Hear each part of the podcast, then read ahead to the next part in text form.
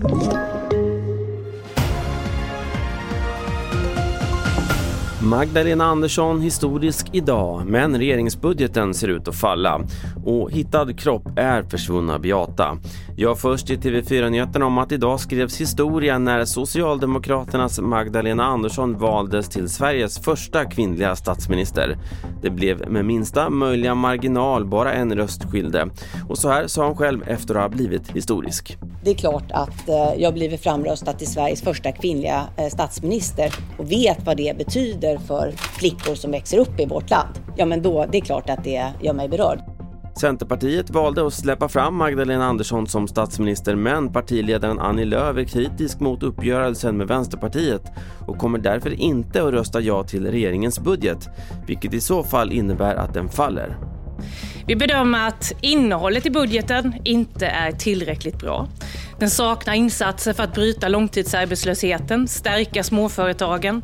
Den satsar för lite på rättsväsendet samtidigt som en stor del av regeringens budget går till att höja bidragen och på köp av skog för privata skogsägare. Och mer om dagens politiska dramatik följer du på tv4.se. Sist om att polisen idag bekräftade att den kvinna som hittades avliden i Bökeberga i Svedala kommun i lördags är den försvunna Beata Ratzman. Den 32-åriga kvinnan anmäldes saknad den 24 september. Identifieringen blev klar igår och då underrättades även anhöriga. Vi hör kammaråklagare Kristina Amilon.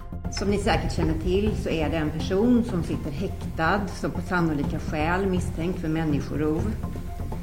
Och den brottsmisstanken gäller alltjämt men kan komma att förändras.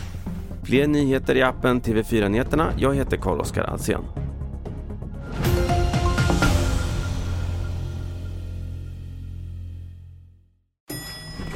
Nej.